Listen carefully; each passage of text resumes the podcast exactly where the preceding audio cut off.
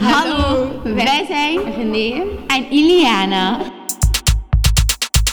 Hallo mevrouw Frooyen, wat is jouw verborgen talent? Ehm, ik heb jaren geleden vrij lang schoonspringen gedaan. En wat is schoonspringen precies? Dat is van een springplanken die op 1 of op 3 meter staat eh, afspringen, maar op een spectaculaire manier. Salto's, duiken, gewoon die dingen. Welke niveaus zijn er precies?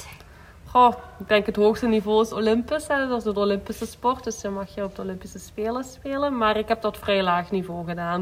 Ik heb wel wat wedstrijden gedaan, een paar in het buitenland, maar niet superveel. En ik was ook niet super goed. Van welke leeftijd tot welke leeftijd deed u het? Ik dacht van 9 tot 12 jaar, misschien 13.